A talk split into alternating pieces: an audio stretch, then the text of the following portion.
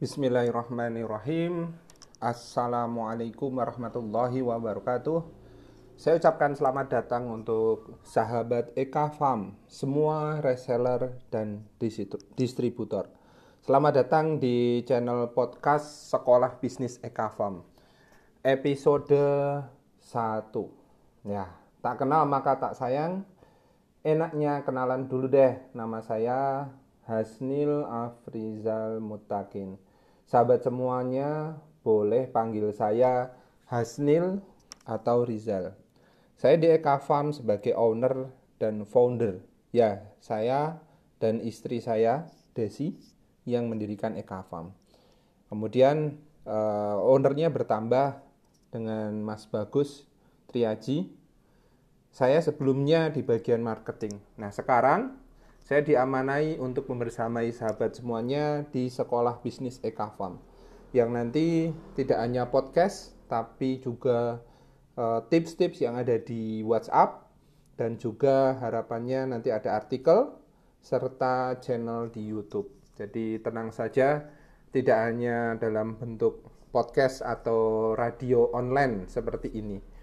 Oke, uh, hari ini kita mau membahas mengenal apa itu farm, kemudian pertanian organik, mengapa kita Eh, berada di Eka Farm dan mengapa sebaiknya teman-teman semua di sini, sahabat-sahabat semua di sini di Eka Farm, sekolah bisnis Eka Farm itu mari kita bersama-sama untuk berjuang. Baik untuk penghasilan kita juga sekaligus yang paling penting adalah untuk masa depan Indonesia kita bersama. Nah, apa itu Eka Farm ya? Ini kita memilih Eka Farm itu menjadi sebuah brand perusahaan sebagai simbol untuk mewujudkan visi yang nanti saya jelaskan bersama. Nah, visi kita itu secara garis besar cuma ada dua. Yang pertama, membantu keluarga Indonesia untuk hidup sehat dengan lebih baik dan lebih bahagia. Penting. Sehat saja nggak cukup, bahagia saja tidak cukup, maka kita gabungkan hidup sehat dan hidup bahagia. Generasi sehat hari ini, masa depan Indonesia esok hari. Kalau misalnya hari ini generasi Indonesia itu sakit-sakitan, mempunyai uh, penyakit yang kronis atau kemudian ada kelainan, cacat, maka itulah wajah Indonesia di masa depan. Yang kedua, visi kita adalah membantu petani, peternak, dan nelayan Indonesia untuk hidup lebih baik bahagia dan tentu saja yang paling penting mereka juga lebih sejahtera. Karena saat ini Indonesia uh, dinilai sebagai uh, bangsa, masyarakat, warganya yang hidupnya itu paling bahagia padahal dari segi ekonomi mungkin belum sejahtera. Oke. Dua visi itu sebenarnya yang menjadi keprihatinan kami menjadi sesuatu yang ingin kita wujudkan. Nah, uh, sebelum menuju ke sana saya mau cerita dulu bahwasanya saya dulu itu bekerja di klinik rumah sehat holistik. Saya profesinya sebagai terapis dan konsultan kesehatan holistik. Nah, biasanya ada yang tanya nih, apa itu yang dimaksud kesehatan holistik? Holistik itu uh, disebut sebagai kesehatan yang tidak hanya melihat dari satu aspek saja, yaitu yang dilihat adalah aspek rohani ya religius spiritual kemudian yang kedua pikiran mental dan yang ketiga eh, yang keempat yang paling mungkin akan kita yang paling kita bahas nanti adalah uh, fisik atau dari makanan. Nah, teman-teman, uh, ketika saya di uh, rumah sehat holistik, saya menemukan fakta bahwa ternyata pengobatan yang alami pun itu tidak bisa menyelesaikan masalah atau penyakit begitu saja. Semua itu lebih baik mencegah daripada mengobati. Dari semua penyakit-penyakit yang saya temui, terutama penyakit yang tidak menular atau penyakit yang sebenarnya itu bisa dicegah. Dari lima faktor yang tadi dari spiritual, pikiran, mental, empat ya, empat faktor, dan yang terakhir adalah fisik. Itu ternyata makanan itu menjadi yang menurut saya itu paling menentukan. Karena kita sendiri itu melihat kalau misalnya orang itu makan makanan tertentu maka dia akan memicu mental dan pikiran tertentu bahkan sampai berefek pada kehidupan spiritualnya sehingga akan bermasalah secara utuh dan di sini kesehatan holistik itu tidak bisa melihat segala sesuatu hanya dari satu sisi saja. Oke, saya menemukan fakta ternyata eh, WHO sudah mengungkapkan di tahun 2019 kemarin mereka mengatakan 75% orang itu meninggal karena penyakit yang sebenarnya bisa dicegah atau tidak menular. Apa itu penyakit tidak menular? Bukan flu. Tapi contohnya bisa berupa diabetes, kanker, darah tinggi, stroke, dan lain-lain. Itu semua penyakit yang sebenarnya bisa dicegah alias tidak menular. Anda berada di dekatnya pun itu tidak menular. Nah, 80% penyakit tidak menular tadi itu disebabkan karena gaya hidup dan yang terbesar karena makanan. Faruk Quraisy, perwakilan dari WHO Indonesia mengatakan setiap tahun ada 40 juta orang meninggal akibat penyakit tidak menular. 15 jutanya di antaranya meninggal pada rentang usia 30 sampai 70 tahun. Artinya, setiap dua detik seseorang mati muda akibat penyakit tidak menular. Salah satu pasien yang pernah kami tangani di rumah sehat holistik itu menderita stroke. Itu paling muda di usia 27 tahun. Bayangin aja, 27 tahun masih muda, usia produktif, tetapi sudah mengidap stroke. Kalau misalnya ini terjadi terus, bagaimana kondisi masa depan Indonesia? Kita masuk ke segmen berikutnya, yaitu saya mau menjelaskan menyampaikan you are what you eat ya kamu adalah apa yang kamu makan wow ya penyakit yang tidak menular itu juga biasa disebut tadi saya sudah sebutkan penyakit yang sebenarnya bisa dicegah ya. Ketika masih saya di bidang terapi kesehatan saya menyaksikan sendiri juga anak-anak yang masih kecil bayi usia sekian bulan itu sudah menderita kanker. Ada anak yang lahir cacat padahal mereka itu tinggalnya di pelosok yang sama sekali tidak pernah menemukan eh, makanan-makanan uh, uh, junk food atau fast food kemudian ibu-ibu banyak yang harus rela kehilangan sebelah payudaranya karena kanker nah ini menjadi keprihatinan kami ya semua itu sebenarnya bermula hanya dari satuan terkecil makhluk hidup yang bernama sel. Setiap apa yang dimakan oleh manusia itu nanti akan diubah menjadi dua hal. Yang pertama sel dan yang kemudian dua adalah energi. Kalau itu menjadi sel, maka itu menjadi bagian dari tubuh kita. Kalau itu menjadi energi, itu menjadi bahan untuk kita beraktivitas sehari-hari. Jadi jangan kaget kalau misalnya ada testimoni ya dari mungkin salah satu dari teman-teman reseller itu menemukan ada anak yang mungkin sering ngantuan, sulit belajar, tapi ketika berasnya aja baru berasnya itu diganti dengan beras organik, tiba-tiba konsentrasinya naik, dia menjadi lebih cerdas dan lebih berprestasi. Ini memang tidak seperti obat yang tiba-tiba itu jadi sehat, jadi pintar, tetapi ini butuh pembiasaan rata-rata setelah 1 sampai 3 bulan itu mulai kerasa ada perbedaan hanya dari beras loh ya. Kenapa kok dari beras? Karena ternyata dari sekian banyak makanan yang dimakan oleh manusia ada sayuran yang sehat-sehat dulu ya, sayuran, buah, beras. Kan rata-rata Indonesia makannya beras ya. Itu dari lauk itu yang paling banyak menyumbang racun atau menyumbang penyebab penyakit itu berasal dari beras. Sayuran nggak ada, masih bisa makan nasi dengan lauk. Nah, lauk itu e, juga menyumbang, tetapi tetap yang paling banyak itu dari beras. Kenapa? Karena ternyata sistem pertanian yang ada di Indonesia masih mayoritas adalah konvensional. Nah, di dalam e, pertanian konvensional kita akan mengenal paling tidak ada tiga hal.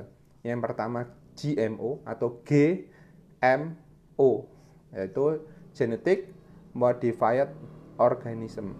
Yang kemudian kedua pupuk konvensional dan yang ketiga adalah pestisida. Ya, GMO itu adalah artinya ya, itu adalah makhluk hidup yang sudah dimodifikasi secara genetik.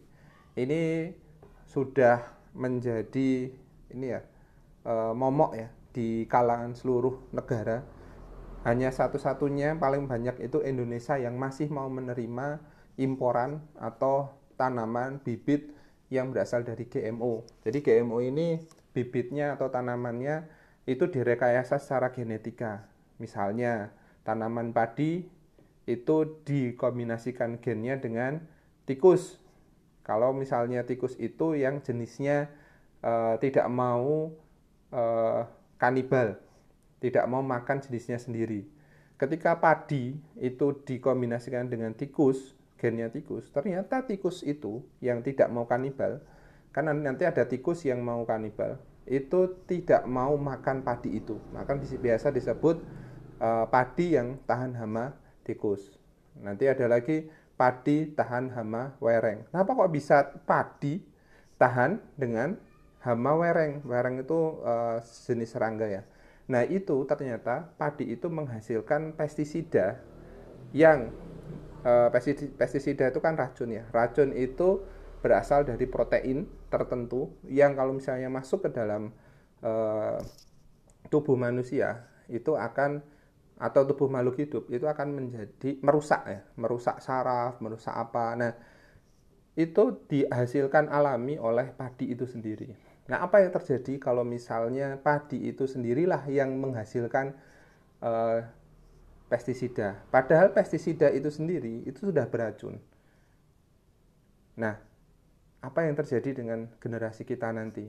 Kalau misalnya GMO itu terus merebak, makhluk hidup yang dimodifikasi secara genetik. Misalnya lagi yang lain adalah semangka tanpa biji atau kemudian buah-buahan yang uh, direkayasa jadi besar banget. Nah, ternyata GMO ini itu hanya bisa dipakai di uh, generasi pertama alias misalnya kalau teman-teman sahabat Farm menanam biji dari uh, pepaya misalnya.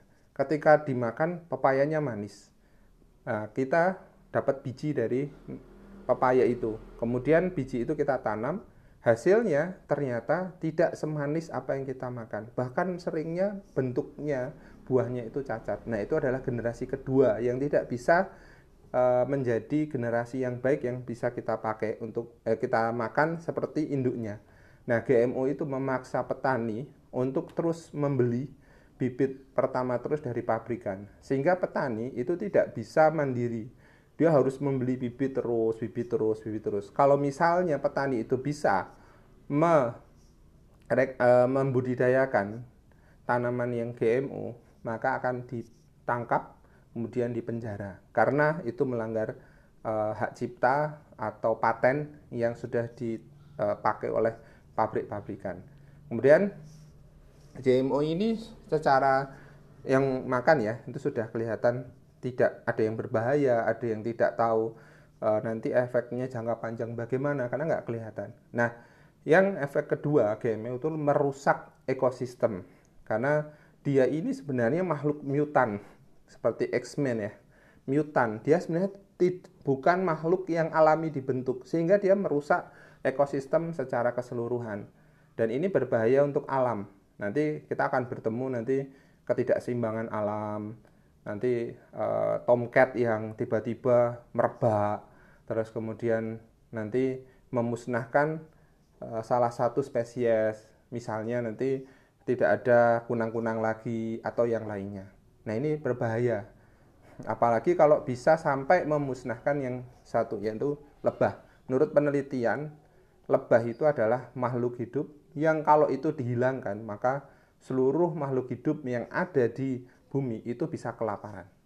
Kemudian yang kedua ya, yang kedua kalau kita ketemu di pertanian konvensional itu akan ketemu dengan pupuk konvensional. Nah, pupuk konvensional ini itu berbahayanya ada pada tanah. Jadi tanah itu menurut teman-teman petani ya itu sudah diciptakan oleh Allah itu sangat sempurna. Apalagi tanah yang khusus untuk pertanian.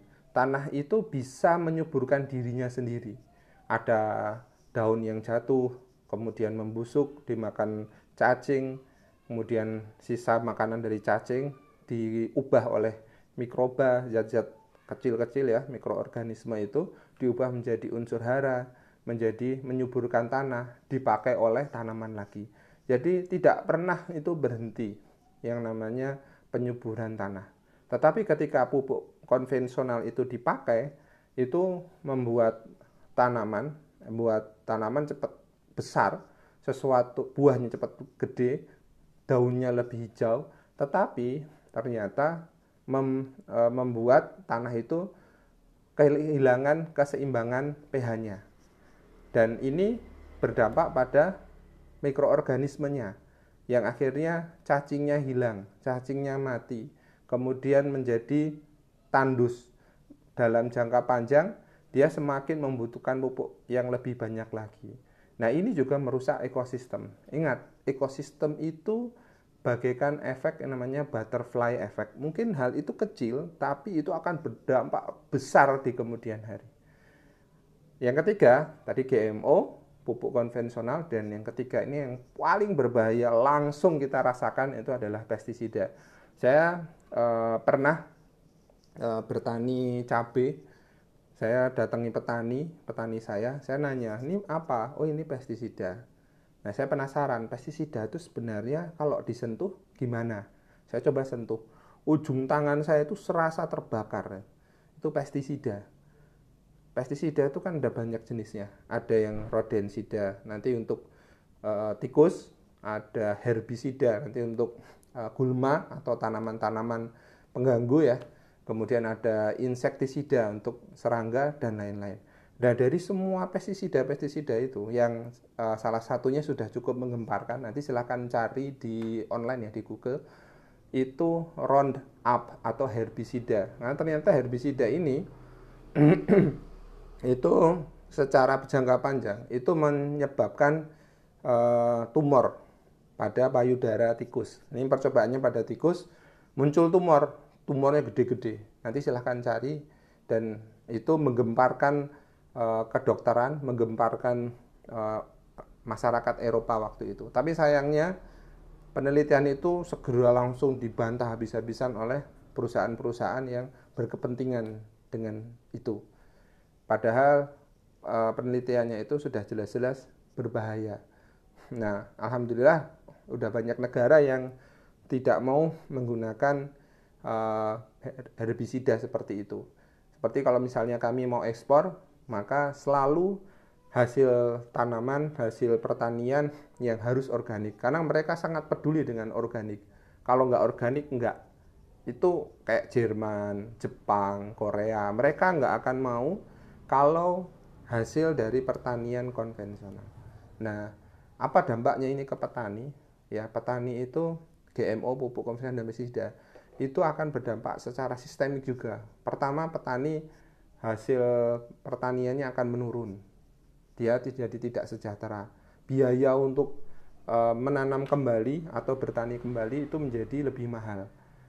Apalagi kalau musim panen itu mesti harga-harga menjadi turun sehingga petani itu rugi aslinya masih rugi makanya Eka Farm kami dan mungkin teman-teman sahabat semua yang ada di sekolah bisnis Eka Farm reseller distributor semua eh, konsumen itu sangat dibutuhkan oleh eh, teman-teman petani yang ada di lapangan dalam rangka apa biar mereka itu semangat untuk terus eh, sekalian menyediakan makanan sehat untuk kita juga merawat Indonesia kita, merawat alam kita. Jangan sampai alam yang sudah kita nikmati ini itu hanya selesai di generasi kita, tidak sampai ke generasi anak cucu kita. Coba bayangkan kalau misalnya ekosistemnya rusak, mesti terjadi kelaparan sampai kemudian uh, berdampak pada sistemik ekonomi semuanya. Itu kena. Mulailah dari diri kita sendiri. Mulai kita sebagai konsumen juga sekaligus kita uh, sebagai penjual itu tuh jangan ini ya, jangan dibuat visinya hanya cari untung, tapi kita berada di Eka Farm menjadi reseller, menjadi distributor itu dalam rangka mau menyelamatkan Indonesia, mau menyelamatkan orang-orang yang ingin hidup sehat. Nah, inilah kemudian uh, kami bersama teman-teman petani itu memulai untuk pertanian organik.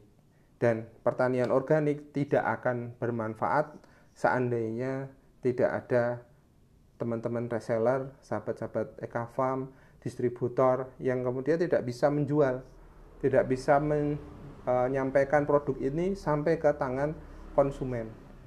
Karena dengan adanya teman-teman, tangan konsumen itu bisa menikmati makanan yang sehat, petani juga bisa hidup lebih sejahtera dan kita pun itu juga bisa mendapatkan untung dari situ sehingga semuanya itu bisa uh, mendapatkan kesejahteraan bareng-bareng kesuksesan bareng-bareng nah silahkan nanti teman-teman reseller distributor di episode-episode berikutnya nanti di, sebel, di sekolah bisnis Ekafam nanti kami saya semuanya itu akan membantu teman-teman mendampingi teman-teman sahabat-sahabat semua itu untuk bisa meraih kesuksesan, membantu orang lain, hidupnya juga lebih baik.